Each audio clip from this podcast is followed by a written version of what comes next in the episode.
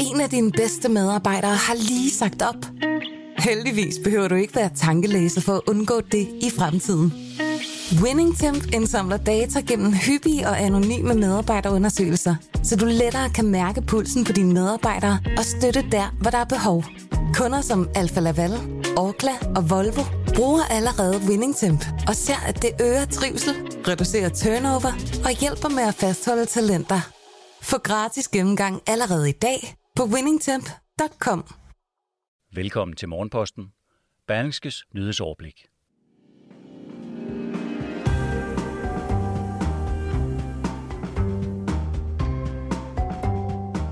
Rusland scorer gigantiske fortjenester på den europæiske afhængighed af russisk naturgas netop nu. Hovedstadsregionen indgår aftale, så børn mellem 5 og 11 år kan blive vaccineret mod corona hos de privatpraktiserende læger. Og så er milliarder af industrielle plastikpellets ved at svine verdenshavene til i faretruende grad, og plastikkuglerne er ikke klassificeret som farligt affald. Det her er Morgenposten, Berlingskes nyhedsoverblik, som du kan følge med i de næste 10 minutters tid, uden at løfte hænderne fra rettet eller cykelstyret. Jeg hedder Jon Kaldan. Velkommen. Vi begynder med det seneste skud på stammen i den fortsatte coronapandemi, den såkaldte omikron-variant, som har fået blandt andet Israel og Japan til at lukke grænserne for alle udlændinge for at holde smitten ude. Storbritannien har nu besluttet at udvide sit vaccinationsprogram ved at halvere intervallet mellem andet og tredje vaccinestik, ved at indføre skrappe indrejserestriktioner og nye krav om mundbind, håber de britiske myndigheder på, at landet kan komme en smittebølge med omikronvarianten i forkøbet. USA's præsident Biden forsøgte i går at slå en beroligende tone an ved at sige, at der er grund til at være bekymret, men ingen grund til panik. På nuværende tidspunkt er der i Danmark konstateret to tilfælde af omikron-varianten hos rejsende fra Sydafrika. Derudover er der ni tilfælde, hvor myndighederne har mistanke om, at der kan være tale om omikron-varianten. De tilfælde undersøges nu nærmere, og Statens Serum Institut regner med svar inden for de nærmeste dage, oplyser direktør Henrik Ullum. Han forventer, der kommer meget mere information om omikron-varianten i løbet af de næste uger. Lige nu, siger han, må vi bare holde hovedet koldt og begrænse smitten bedst muligt. Og det siger han til TV2. Ruslands gigantiske energikonsortium Gazprom rapporterer om rekordhøje fortjenester samtidig med, at prisen på naturgas kun fortsætter i en retning opad. Gazprom oplyser, at man på grund af stigende energipriser i Europa har haft en nettofortjeneste på gasleverancer på over 50 milliarder kroner alene i årets tredje kvartal. Og mange af milliarderne kommer fra Europa, der får omkring en tredjedel af sit behov for naturgas dækket af Rusland. I en presseudtalelse siger Gazproms vicedirektør, at den store indtjening først og fremmest er takket være den europæiske gaskrise, og at han derfor kun forventer endnu større overskud her i årets fjerde kvartal. Kritiske røster i Vesten har anklaget Moskva for at begrænse gasleverancerne til Europa med vilje for at drive priserne i vejret og på den måde få europæerne til at åbne for hanerne til den kontroversielle gasrørledning Nord Stream 2. Gasrørledningen løber mellem Rusland og Tyskland i Østersøen tæt forbi Bornholm og har kostet russerne milliardinvesteringer. Tyske myndigheder udskød tidligere på måneden endnu en gang at give Østersøforbindelsen sin endelige godkendelse til højlydt forbedrelse i Kreml. Når hanerne endelig åbner, skal gasrørledningen levere 55 milliarder kubikmeter russisk gas om året til Tyskland. I fredags anbefalede Sundhedsstyrelsen, at børn mellem 5 og 11 år nu også bør vaccineres mod coronavirus. Og samme dag sendte Statens Serum Institut 135.000 invitationer ud til de første af i alt godt 430.000 børn i aldersgruppen. Sundhedsstyrelsen understregede på et pressemøde, at det er en sikker og effektiv vaccine, som forældrene trygt kan lade børnene få. Det er en vaccine, vi har brugt til de 12-15-årige, og som er brugt til millioner af børn rundt i verden. Vi har stort kendskab og erfaring med den, understreger Sundhedsstyrelsens vicedirektør Helen Probst. Men det er ikke alle, der er enige i den vurdering, som du kan læse med både øjne og ører i dagens netudgave af Berlingske. Her får du et uddrag af artiklen, som er skrevet af journalist Anne Baumgaard. Vi taler om børnene, som om de går uvaccineret rundt og spyrer virus ud på alle non-stop. Det er klart, at barnet på et eller andet tidspunkt ville blive sygt og smitte i en kort periode, men derefter naturligt immun. Jeg synes ikke, det er veldokumenteret, at vi ikke på den lange bane vil være bedre tjent med det, siger Christine Stabelben. Professoren, der har overlang erfaring med forskning i gavnen af vacciner i de enkelte befolkningsgrupper, har tidligere advaret mod at vaccinere børn mellem 12 og 15 år. Hun har synspunkter, som andre eksperter, Berlingske tidligere talt med, respekterer, men også beskriver som alternative og divergerende. Det er et grundprincip i det danske vaccinationsprogram, at der skal være bred erfaring med vaccinen blandt børn og tilstrækkelig dokumentation for, at fordelene ved at vaccinere for en sygdom klart overstiger risikoen for bivirkning, siger Christine Stabelben. Vaccination af børn er udelukkende en god idé på grund af den situation, vi står i lige nu, mener professor i vaccinedesign ved Københavns Universitet, Camilla Fode. Det er muligt, at børn opnår en bedre immunitet ved naturlig smitte, men prisen for børnenes naturlige immunitet er på nuværende tidspunkt for høj. Det kan vi se, for det er strategien i øjeblikket, og den holder ikke. Så vi må gøre noget, sagde hun til Berlingske i onsdags. Ifølge det europæiske lægemiddelagentur EMA overstiger vaccinens gavnlige virkninger eventuelle skadelige virkninger.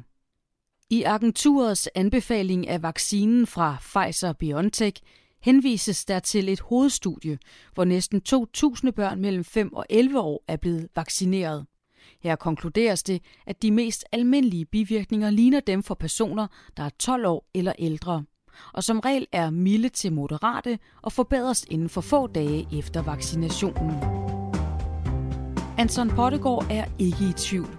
Det er rigtigt, at der er ting, vi ikke ved, men på baggrund af det, vi ved, ser det fornuftigt ud. Det giver mening at vaccinere, siger han. Vi har data, der viser, at det beskytter rigtig fint mod smitte på den korte bane, og vi ved fra voksne, at det beskytter mod alvorlig sygdom. Og nogle børn bliver trods alt rigtig syge, siger han og henviser desuden til en modelberegning, SSI har udarbejdet. Den viser, at vaccination af de 5-11-årige vil reducere antallet af indlagte ganske betydeligt blandt børn og voksne. I sidste uge indgik Region Hovedstaden en aftale med de praktiserende læger om, at de skal hjælpe med at vaccinere alle over 12 år, men nu er det tilbud udvidet, oplyser Region Hovedstaden. I går eftermiddags indgik regionen en aftale med de praktiserende lægers organisation om, at også børn mellem 5 og 11 år nu kan blive vaccineret mod corona hos familiens egen læge eller en anden privatpraktiserende.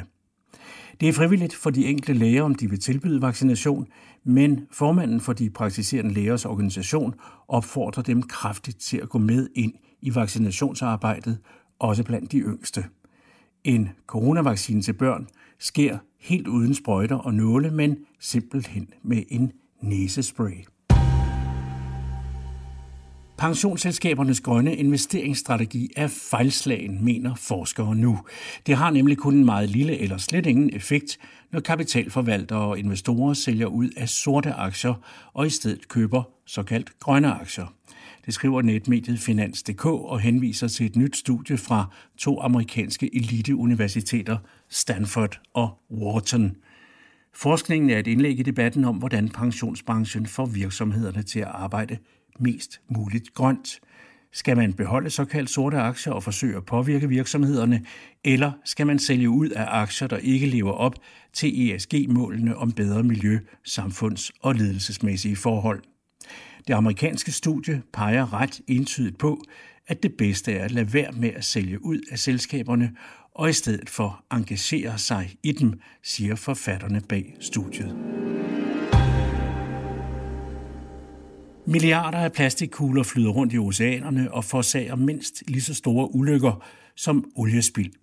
Alligevel bliver plastikmængderne endnu ikke klassificeret som farligt affald. Da et stort containerfragtskib i foråret sank i det indiske ocean ud for Sri Lanka, frygtede østatens beboere, at fartøjets 350.000 liter olie ville slippe ud og ødelægge landets koralrev og fiskeindustri. Det skete ikke, og alligevel blev havariet betegnet som områdets største forureningskatastrofe nogensinde. Ifølge myndighederne kom de værste følger fra 87 containere ombord, fyldt med råplastik i kugler, såkaldte pellets, der på størrelse med linser. Plastikkuglerne vaskede siden op på strande så langt væk som Indonesien, Malaysia og Somalia, ofte i meter tykke bremmer. Plastikperlerne fungerer som en slags trækpapir for skadelige kemikalier, der sætter sig på overfladen af de små plastikstykker, som ofte bliver spist af fugle, fisk og havdyr, der tror, der er tale om små byttedyr, og på den måde spredes giften. Plastikforureningen ved Sri Lanka har ifølge den britiske avis The Guardian kostet både hundreder af fiskere jobbet og ødelagt store dele af turistindustrien langs de tidligere attraktive strande. Man anslår, at der havner omkring 230.000 tons råplastik pellets i verdenshavene hvert eneste år. Morgenposten er ikke meget længere, men jeg vil som altid lige give et bud på, hvad dagen i dag bringer af begivenheder, der kan komme til at præge nyhedsbilledet. NATO-landenes udenrigsminister indleder et to-dages-møde i Letlands hovedstad Riga, hvor udenrigsminister Jeppe Kofod deltager. Og der er ingen tvivl om, at både den fortsatte konflikt med Hvide Rusland om migranter ved grænserne til Polen og Litauen, samt den massive russiske troppeopbygning ved grænserne til Ukraine, kommer til at stå højt på dagsordenen. Og så er det i dag, at 27 nye bilmodeller stiller op til årets bil i Danmark 2022. 6 ud af 10 er rene elbiler, og vinderen af årets bil i Danmark skal findes i dag for 54. 20. gang. Det er danske motorjournalister, der står bag koringen, og i år består juryen af 24 fagjournalister fra mange typer medier og Motor FDM, der har fire jurymedlemmer. Og så er det i dag, at den karibiske østat Barbados kan stå op til sin første dag som en selvstændig republik. Dermed er det et farvel til den britiske dronning Elizabeth II som statsoverhoved. Barbados har fået sin egen første præsident, Sandra Mason. Det skete i nat dansk tid, præcis 55 år efter, at østaten blev uafhængig af Storbritannien. Sidste år besluttede landets regering, at Barbados skulle overgå fra konstitutionelt monarki til republik for at lægge sin fortid som koloni bag sig for alvor. Dermed vil jeg lægge morgenposten for i dag bag mig. Jeg hedder Jon Kaldan, og jeg er tilbage igen i morgen tidlig med en frisk nyhedsoversigt for øregangene. God tirsdag og på genhør.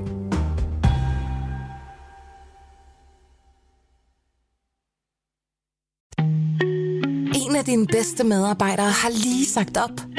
Heldigvis behøver du ikke være tankelæser for at undgå det i fremtiden. WinningTemp indsamler data gennem hyppige og anonyme medarbejderundersøgelser, så du lettere kan mærke pulsen på dine medarbejdere og støtte der, hvor der er behov. Kunder som Alfa Laval, Orkla og Volvo bruger allerede WinningTemp og ser, at det øger trivsel, reducerer turnover og hjælper med at fastholde talenter.